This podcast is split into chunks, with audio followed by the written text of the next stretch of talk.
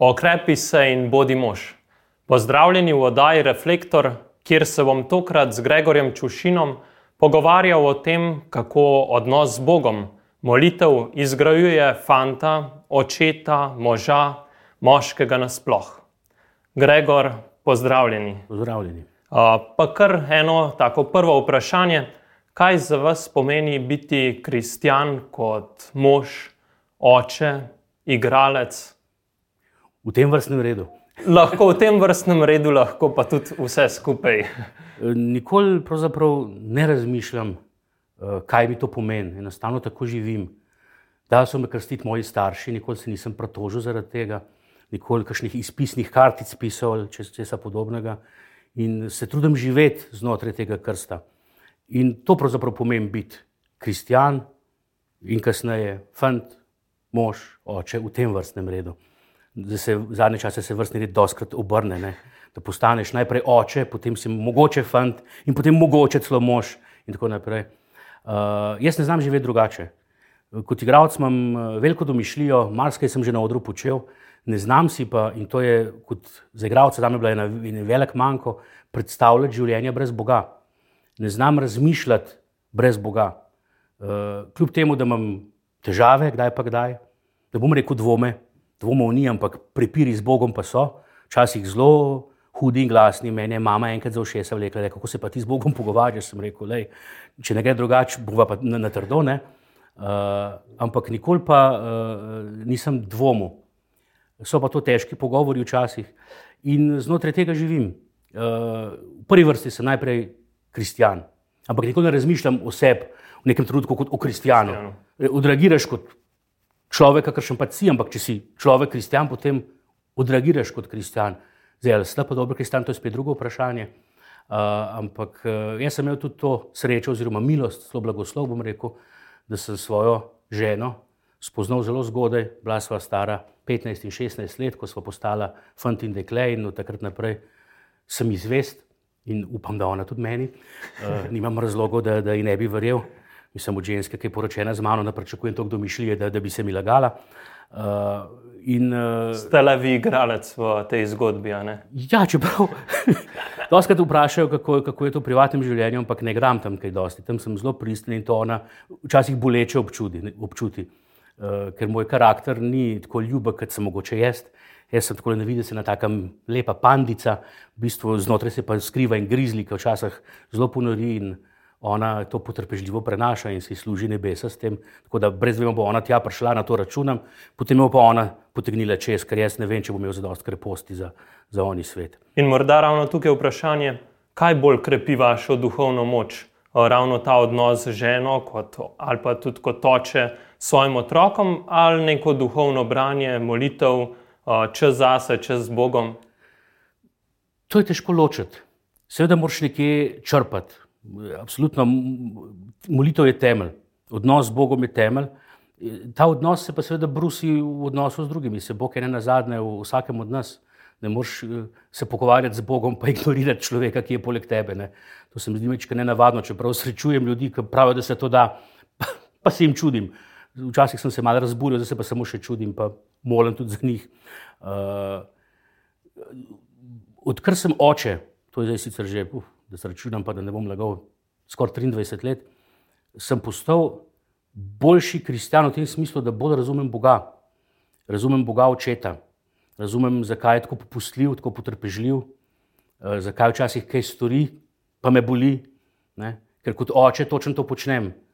Čeprav imam neizmerno rad svoje otroke, jih pač moram vzgajati in vzgojati nasilje, pa če še tako čudno zveni.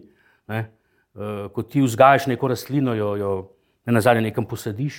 Celo odrežeš. Jo odrežeš in tako naprej. Ne, in zganeš na veliko nasilje nad, nad to rastlinco, Bogu in ravno tako se počne z našimi potomci. Uh, čeprav mečkam bolj ljubeče to počnemo, vse če se le da. Ne. Uh, zato so oni odgovorni, mečkam, sploh ko pridejo v puberteto. Uh, ampak ne bom preveč o otrokih. Nekje sem zasledil, da ste napisali, da v času korone ste malo večkrat se zbrali k molitvi rožnega venca. Kaj za vas kot očeta pomeni, da družino zberete skupaj k molitvi, ali pa tudi, koliko je to težko na nek način zbrati celo družino, da moli, kakšen otrok se najbrž pritužuje. Vas bom presenetil, če rečem, da ne. Uh, pri nas je to, to štejeva za eno veliko milost, uh, oziroma en velik najmanj vzgojni uspeh, čeprav je vedno malo bolj, malo manj prstami dva zraven. To, da, da dejansko moramo kot družina, uh, da se vsak večer, koliko nas je pač doma, ponavadi jaz manjkam, oziroma ne sem manjko, zdaj sem večkrat več prisoten, da se zberemo in kot družina zmolimo. To ni neka bom rekel, strašno poduhovljena molitev, ampak čeprav moja žena, kot nekdanja katehistina, je v teh letih precej, precej metod preizkusila. Jaz, ko sem prihajal tako na vsake 4-5 dni eh, domov, ne, zvečer, da sem bil prisoten, pa sem spremljal to molitev, nikoli nisem vedel, kaj me čaka. Sem večkrat nervozen, enkrat smo peli, enkrat smo klečali, enkrat smo plesali. Časov se je vse pretepalo, pa nisem vedel, da se pretepa, je to del molitve. Uh, in sem potem ugotovil, da tudi otroci postajajo večkrat nervozni, ker nikoli ne vejo, kaj jih čaka dokaj dolgo se nismo pomenili in smo naredili tak vzorc, naš družinski, ki ga zdaj držimo že vrsto let in se dejansko približno v isti uri vsak večer zberemo. In ta vzorec je na kratko sestavljen iz, uh, iz uh, prošen za določene ljudi, dogodke, molimo za svoje bližnje, za ljudi, ki jih poznamo, pa so v stiski, dodajamo dnevne prošnje. Tako. Ampak to traja približno 10-12 minut, da ne bom pretiraval. Uh, vsako prošlo podpremo z eno zdravo Marijo, tako da nekako molimo, že tako, tako molimo rožni vene, če temu tako rečem. In uh, dejansko se noben ne pritožuje. Včasih otroci rečejo, bomo danes že molili, ker se jim pač mudi, nam reko raven kočenju, verjetno kakšni drugi stvari, enkrat računalniku. Ampak doskratno je oni opomanjo, čas je molimo. Uh, molimo tudi zjutraj, sicer po etapah, ne, ko otroci odhajajo od doma, molimo tudi zjutraj. In zdaj dejansko, če se pogovarjava, ne vem, koliko kaj doživljajo otroci pri tem, koliko pristno odnos oni imajo z Bogom. Ampak če drugega ne izkazujejo spoštovanje do naju, do najne vere in to je že začetek tudi odnosa z Bogom, se mi zdi. Vse preko četrte božje zapovedi bojo vstopali v, v, v odnos z, z Bogom. Uh, kar se pa tiče korone, smo pa dejansko samo to molitev preklopili na rožni venec. Prav, da smo takrat uh, v tem prvem valu, v tem prvem strahu uh, dejansko se zatekli k rožnemu vencu. Uh, sicer otroci niso bili najbolj navdušeni, to moram tudi povedati. Je le daljše. Je le daljše, ja. Ampak so se navadili, so sprejeli, niso, niso ugovarjali. Nimamo teh težav, tudi ob eh, nedeljah pri Maši, nikoli nismo bili, oziroma za odhod k Maši, nikoli ni bilo težav. Od prvega otroka dalje, ne, šesti, se ni imel sploh pravice protoževati, ker je pač sorenci so to počeli uh, brez ugovorov. Uh, tako da to je en velik čudež, velika milost pravzaprav vsekakor otroci znajo moliti. Ja, ja. Ko bojo v svetu, ko bojo potrebovali Boga, bojo vedeli, kako obrniti jagode na, na rožnem mestu. Kot sem rekel, ne vem, kam jih bo pot zanesla, ne vem, kakšen odnos bodo imeli, ampak upam pa, da refleks, ko bodo prišli v stisko, bo ta, da se bo zatekla k molitvi. Če ne, k temu očetu, pa konemu očetu, če ne k temu očetu, pa k temu očetu, ampak na koncu bo vsekakor molitev. Upam. Super. Uh, večkrat omenjate odnos s svojo ženo, družino. Kmalo po poroki vas je čakala težja preizkušnja. Kako vas je takrat Bog izgrajeval? Prek te preizkušnje ste se tudi veliko zatekali v molitev? O, brez skrbi. To je bilo kljub temu, da uh, tega leta ne bi nikoli več želela ponoviti. Kljub temu zmeri rečemo, da je to bilo najlepše leto najnega življenja, ker smo dejansko živela samo eden za drugega in za Boga, oziroma z Bogom smo živela preko dneva. Hvala Bogu, tukaj če brez otrok, uh, bile so hude psihične težave. Uh, dejansko je bil uspeh dneva samo to, oziroma namen in cilj dneva, da pride v zvečer oba živa do postelje. Ne? Da ne bo ona mene fentala, da se ona ne bo fentala, ali pa da ne bom jaz koga fental. Če malo tako preprosto rečem. Težko ja. se je smejati tako. Ne, ne, ne, mi dva se, hvala Bogu, lahko že smejeva. Dejansko se lahko že temu smejeva in smo hvaležni za ta smeh. In iz tega leta uh, sva izčrpala potem še za mnoga, mnoga leta naprej, še danes pravzaprav se zatekamo v to leto, uh, ker je bilo dejansko res pomembno preživeti samo ta dan, biti samo eden z drugim. Dejansko sem bil ob njej uh, in uh, še danes, kadar so težave, žena reče: samo današnji dan, samo današnji dan. Jaz sem tak, da zelo razmišljam naprej, rata mečkam, reč načrtujem. In tem načrtovanju včasih zame strah, panika, in takrat me žena pomiri, prosim, reče: samo današnji dan, kot smo takrat. In, to, da nam danes na vsakdanji krug. Točno tako, ja. In uh, dovolj je dnevo lastna teža, ne, jaz imam teže že sam na sebi za dost, tako da je nepotrebno še dodajam zraven. Če se jo do večera prenese, je. Kolegi v teatru so doskrat rekli, ne hvali dneva pred čušinom. To marski pove o meni, da sem bil mečken tak uh, paničen in nestrpen. Uh, in ko me je kolega enkrat vprašal, uh, pa kaj imaš ti od vere, da hodiš v cerko, pa kmaši, pa mož. Sem rekel, le, le kakšen sem, kako sem nervozen, pa zoprn, pa težek. Si mi predstavljaš, če se ne bi trudil biti boljši. Ne? Si mi predstavljaš, kakšna zverina bi bil. Pa je rekel, pa, pa še dobro, da mož. Tako da, ja. Uh, hkrati ste tudi igralec, kako in umetnik nasplošno. Uh, veliko pišete, pišete pesmi, mrsikje zasledimo vaše članke, ste kar produktiven, bi lahko rekli. Uh, kje najdete navdih za vse to, vam pri tem uh, navdihu, pri tej ustvarjalnosti pomaga tudi ta, ki je vse ustvaril? Uh, z leti se zmeraj bolj zavedam, da vse ti mnogi talenti, ki jih, hvala Bogu, imam, niso moji. Uh, zdaj jaz nikoli o sebi nisem. No, ne, priznam, zdaj, prva leta po akademiji sem razmišljal o sebi kot o umetniku, sem si domišljal, da sem umetnik. Uh, zdaj, odkar sem pustil teater in šel na svoje, pravzaprav sebi govorim kot o obrtniku. Kot obrtniku.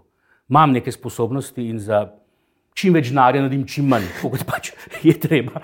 Rečem. Je pa res, da je v meni nekaj željenih načrtov in uh, tiste, ki so pametne, Bog potisne, potisne naprej v tej glavi, v tem trupu je ogromno nekih idej, neizživetih, hvala Bogu, bom rekel za nekatere, nekatere pa mislim, da še čakajo na, na, na pravi moment. Črpam pa iz, pravzaprav iz, v prvi vrsti, bom rekel, iz svojega egotripa, iz tega umetniškega samoljublja, če se temu tako reče. Jaz, kot umetnik, sem se že zmeraj želel dokazati, kot mlad igralec sem se hotel dokazati. Moja prva monodrama je bila samo dokaz, ni bilo nobeno ustvarjalno početje v tem smislu, da bi rekel, uh, čutim nekaj, kar bi rad naredil, ampak sem hotel nekaj narediti, da bom dokazal, da sem sposoben. Ampak Bog je ta moj napuh, hvala Bogu, obrnil nekaj dobrega, me naučil, da to ni moje in tukaj naprej zdaj štartam. Tako da zdaj, ko, ko včasih preberem kakšno zadevo, ki sem jo napisal pred, pred leti, se začudim, da sem bil sposoben tega napisati in se zavedam, da nisem bil sposoben tega napisati, ampak da sem samo prevodnik in se zmeraj bolj zavedam, da to prihaja od zgore In hvala Bogu, za enkrat ima sveti duh še zmeraj odprto malo in deli. Uh, jaz pa to spremem in še zmeraj me priznam, mečken vodi na puh. Znam, zmorem. Ne? Ampak kot sem rekel, Bog ta na puh obrne nekaj dobrega, to je ta velika ljubezen z njegove strani, da kljub tej moji rekel, slabosti uh, me uporablja kot, kot svoje urodje. In um, kje vidite tukaj ravno to vašo moč uh, laikov pri oznanjevanju? konec koncev, vi ste nekajkrat pridigali tudi nam, duhovnikom, že. Uh, kaj pa sicer pri tem oznanjevanju? Če se smem jih pošaliti, ne se, se neprestano šalim, jih zadnjič svoji mami rekel. Ker je rekla, nikoli nobenega nisem silil od svojih otrok, namreč, da bi šel v kakšen duhovni poklic. Sem rekel, mama, to ti strašno zameram. Če bi me ti utišala v lemenat, bi bil jaz z svojim gobcem, jaz bi bil škof. Ne? In to tako, da bi ga Petr Štumf pojedel, en ogromen škof bi bil ne, in bi govoril, ne, in bi bil slaven in znan, in bi bilo poskrbljeno za me, zdaj moram pa skrbeti za ženo, pa za šest otrok, za neko, mama pet se solit. Uh, In potem se oglasi žena, jo, brez mene, ne vem, če bi bilo kaj takega. Ja, to je, to je res. Kaj je bilo že osnovno vprašanje, se prečujem, spet me je napuhnil, drugam potegnil. Uh, ja, ravno kako vlogo, like, vlogo ja. lajkov in uznanjevanja. Uh, ja, jaz smo kot, kot uh, lajk imamo veliko prednost pred vami duhovniki. To sem zmeraj govoril, uh, zaradi tega, ker uh, človek, ki ne mara cerkve, ki zavrača Boga, zagleda nekoga v tej upravi in reče hvala lepa. Ne? Zdaj se z vami ne bom pogovarjal.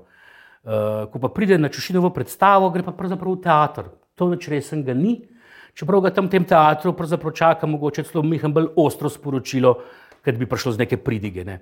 In hočem reči, da, da lažje odprem vrata, da potem Bog človeka zagrab za kravatelj in ga potegne k sebi. Uh, ljudje grejo raje v teater kot v crkvu. Oziroma v teatru ne pričakujejo nekega duhovnega, sporu, takega duhovnega sporočila kot v cerkvi. In moja, za me največja pohvala, ki sem jo dobil za eno od svojih predstav, je bil možakar, ker je rekel: Nisem veren, prišel sem v teater, odhajam pa od obreda. Uh, se pravi, to, kar je ta možak doživel, je pravzaprav namen mojega početja. In tukaj imam jaz, seveda, bolj odprto pot, uh, laž, lažjo pot, kot vi. Doskrat so me kakšni duhovniki povabili na faro, pa rekli: Povejte jim, jaz jim ne, ni rekel, ne upam, rekel, ne morem in razumem. Duhovnike, oziroma župnike na župniji In se pravzaprav ne sme zameriti nekim ljudem. Mislim, zameriti v tem smislu, ne da, da zdaj duhovnik ne upa povedati nekih stvari. Ampak eh, dejansko, če bi župnik nastop ostro nekaj pove, bojo zaprli vrata in odšli. Če pa nekdo, en lajk, nekdo od njih, enak njim pride in pove neke hude reči, pa reče, ok, ne? in potem pride k župniku po nasvet, ali to, kar je ta stric povedal, drži ali ne drži, in tako naprej. Tako da sem bil doskrat povabljen in so me pravzaprav duhovniki kurili, povej, ali povej. Ne? Tako da ta ostrina, ki je bila, bi bila doskrat sprovocirana. Ne? Uh, ko ravno govorimo o tem, uh, v zadnjem času, ravno v tej korona krizi, se je pokazalo, da marsikdo, ki sicer prej ni bil nedeljnik, zdaj spremlja svetomašo po televiziji in tako. Kako bi zdaj te ljudi uh, spodbudili, da naj uh, tudi, ko te krize ne bo več, si upajo priti v crkvu, ker s svojim dejanjem le kažejo neko željo po Bogu? Mi nekako z nekim pozivom ali z nekimi plakatki in pismi ne bomo nič dosegli. Jaz mislim, da če so ti ljudje nekaj doživeli, začutili, dobili, bodo to prišli iskati tudi v crkvu. Ta kriza kljub vsem vzdihovanju in jamranju, okrog nekaj, prihaja tudi z naše strani, ne na zadnje, traja kar že nekam dolgo. Teatri so zaprti. Teatri so zaprti. Najprej sem še rekel, hvala Bogu, ne. Ker pred, za predstave, ampak zdaj pa res dejansko že večkrat traja, tudi jaz že pogrešam odri ljudi. Uh, ampak ta kriza je, to je stiska. In vsaka stiska človeka stisne, in ko te stisne, preteče iz tebe to, kar je v tebi. In jaz mislim, da so bili mnogi ljudje presenečeni, kaj je prišlo iz njih pozitivno in negativno. Čeprav tisti, ki je prišel negativno, tega pravzaprav ne spoznajo. Ampak ta stiska, ta, ta korona se je razgalila. In mnogi ljudje, ki jih pravzaprav ne bi imeli za neke duhovne ljudi, so se v, v tem času izkazali, da so duhovni. Mnogi, ki so bili ki so delovali kot duhovni, so se pa izkazali za zelo plehke in zunanje. Ne? Ker pomeni, da nas je Bog stisnil in zdaj pretekel iz tega, recimo, grozdja, kiselca ali pa en sok ali pa neko vino, mislim, nek, nek, nek nastavek za vino, da tako rečem. Ne. In ljudje, ki so se, eh, jaz mislim, da bi bil mogoče upravičen strah škofov, duhovnikov, kaj bo zdaj s temi mašami preko spleta, televizije. Ampak, če gledamo, eh, koliko gledov ima neka maša, mislim, papež nima toliko publike, kot ima naš slovenski duhovnik publike. Ne? Rečem publike, ne rečem občestva, rečem publike, ker sem prepričan, da je mnogo teh ljudi, ki ga poslušajo, zgolj publika, občinstvo, ne občestvo. Ampak občinstvo je prvi korak do občestva. In uh, nekateri jamrajo, da ja, je to površno, pa nič globokega. Ja, otroku ne boš dal klobase. Otrok bo dobil spasirano banano, ko bo pa zrasel, ko bo vse se prilagodil, pa želodec, pa trupček zrasel, boš pa dal tudi klobaso. Bo pa tudi vstopil v crkvo. Tako ja, jaz mislim, da, da zdaj je prav, da, da, da se dobijo to spasirano banano preko, preko spleta, preko televizije in kdo bo lačen, bo prišel po klobaso. Pa ne mi vegani in vegetarijanci ne zamerijo, gre samo za prispodobo. Uh, no, sicer, ko se ravno uh, smo že ozrli na tematiko svete Maše, morda ravno za konec, kaj vam kot očetu pomeni, da greste v nedeljo uh, k sveti Maši? Z družino ali sam? Kolikrat greste pa s tem? Ja, ja, ne, zanimivo je. Jaz sem zmeraj, mečkaj sem bil, tudi parkrat sem se zapletel v neke debate z družinami, ki so želeli biti skupaj pramaši. Ko so to postavljali kot eno, eno, eno, eno normo, eno stopno v svojem duhovni rasti. Spoštujem, pa ne razumem do konca. Mi smo zmeraj hodili ločeno k maši. Ko so prišli otroci, smo se morali izmenjati. Uh, tudi zaradi tega, da je bil otrok premašen, preveč tečen, pa sem šel z njim ven in ga nisem pustil v cerkvi, dokler se ni pomiril. Tako da je otrok vedel, da to, da je v cerkvi premaši, uh, se mora potruditi za to, mora biti uh, dober, se mora dokazati, mora, mora biti pripravljen za to. Ne, ne pa da je maša nagrada za starše, avko, ki bo naš dan spriden premaši. Mi, smo obrnili ta vrstni red, uh, to dojemanje in uh, otroci so zdaj premaši, rekel, pridni. Ampak pustimo to. Uh, mi smo hodili ločeno k maši. Uh, v dveh etapah, tudi zaradi tega, da sem jaz lahko pripravljal kosilo ali pa sem imel delo in tako naprej. Redko smo bili skupaj. Tako da je bila ta korona, zdaj je prišla na nek način ljubav, ker smo bili končno kot družine premaši. Ne samo to, da smo bili skupaj premaši, ampak jaz sem te svoje otroke premaši lahko celo opazoval ker v, cerkvi je pač nespodobno, da se večkrat oziraš, preveč naokrog, ne pa gledaš. Skavčalo pa to večkrat lažje. Ne, ne, ne zadnji sem se usedel v tako pozicijo, da se meni ta stol bolj odgovarja kot tisti in sem imel otroke lepo tako na, na, na, na očeh in sem jih gledal. Priznam tudi med določenimi deli maše, skušal razbrati z njihovih obrazov, kaj doživljajo. In sem bil presenečen. Bil sem presenečen, koliko pridgo poslušajo. Res. Torej, vi ste gledali otroke, oni so pa poslušali pridga. Tako, jaz sem tudi poslušal pridga. Ampak hočem reči, ta, ta Maša z dnevne sobe mi je dala par, par upogledov v, v, bom rekel, v njihova življenja. In sem hvaležen tudi za, za to. Uh, je pa to nekaj, pravzaprav, bom rekel, nisem tako zelo pogrešal Maše kot nekateri. Če gledam, kaj vse je bilo zapisano na raznih spletnih omrežjih, nisem tako zelo hrepenel po potem. Uh, Jaz sem pravzaprav, mogoče zaradi fare, s katero prihajam, uh, smo se pri teh mašah preko spleta bolj umirili, uh, našli smo se. Uh, tako da jaz bom pravzaprav bom pogrešal te maše, ko se bom vrnil v crkvo. Pa ne zaradi, točno vem, kaj je maša, pa vem, kaj je občestvo, ne me po stran gledati. Ampak govorim samo o tem, kako smo lahko mašo nekako intimno doživeli, res kot družina. Uh, in upam, da nam bo to uspelo težko bo to prenesti, ampak da se bomo to kot družina spominjali tega časa. Uh, tudi ta vidik. Tudi ta vidik, ja. Drugače pa Maša, pa jaz kot od otroških let hodim v nedeljo k Maši. In gremo v nedeljo k Maši, tudi če imam, uh, če imam neko snemanje, ki šum delo, grem pa ali v soboto začela, gremo v ponedeljek. To smo nekoli reči, a danes pa delaš, a ne boš šel k Maši. Pa rečem, sem že bil. A pa bom še šel. Me, me kolegi me, me pravzaprav sprašujejo in sprašujejo vest. Uh, Uh, za me je to pravzaprav, bom rekel, grdo bo zveni, ampak v prvi vrsti navada. Ampak me to lažje to, da je tudi Jezus hodil iz navade v tempelj. Piše se v tem pismu, da je šel po svoji navadi v tempelj. Jezus ni šel v tempelj iz pobožnosti, ne iz ljubezni do očeta, ne iz zato, da bi Marijo Boga. V svetem pismu je zapisano, da je šel po svoji navadi. In jaz sem to navado prejel in to navado ucepljam svojim otrokom. Noč pobožno, to je navada, ampak upam pa, da ta navada prerase v potrebo. Tudi jaz bi, po moje, kljub temu, da pravim, da, da, da maše nisem pogrešal, ampak sem bil pri maši še zmeraj preko spleta. Če bi bil, mi bilo to vzeto, no, bilo je eno leto, ko sem bil še v nekdani državi, v vojski, takrat sem dejansko bil eno leto brez maše. In kadar sem prišel domov na dopust, je bila maša tudi med tednom, ni bilo, nisem čakal nedelje, tako da čutim to lahko tudi sam. Za čisti konec, pa mogoče, kaj bi mi rekel kot letošnjemu novomašniku? Večkrat ste govorili duhovnikom, zdaj morate pa tukaj nekomu ena na ena nekaj e, povedati. Rekel, oh, škoda vas je tak lep fant. ne, ne, rekel bom, upam, da se zavedaš, da zdaj jaz govorim tebi kot neke vrste oče enemu otroku, vse razlika nama. Primerna, mislim, da, primerna, ja. mislim, da smo v tem razmerju, ampak v trenutku, ko boš posvečen, ne, se bo to obrnilo in boš ti postal moj oče. Ti boš vodil moje srce in mojo dušo k Bogu in upam, da se tega zavedaš. Kljub temu, da sem jaz mogoče na zunaj modrejši, pametnejši, opremljen z več diplomami in tako naprej, z lepšimi besedami, ampak eh, v trenutku, ko boš postal duhovnik, oziroma na nek način si duhovnik že zdaj, ampak ko boš posvečen, bo to uradno, boš postal moj oče in jaz te bom v Bogu in ti bom sledil. In je to velika odgovornost, odgovornost, ki jo imaš do svojih otrok, boš ti imel do mene in upam, da se tega zavedaš.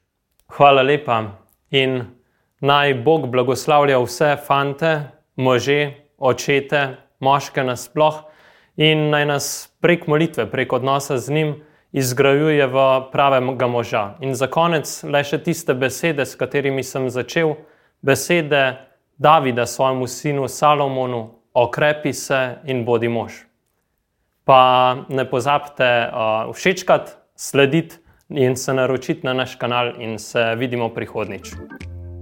Prihodnji teden bosta Mojca in Benjamin Tomažič spregovorili o tem, kje katoličanom škripa v posteli. O spolnosti se bomo pogovarjali torej. Poslušajte oddajo Reflektor.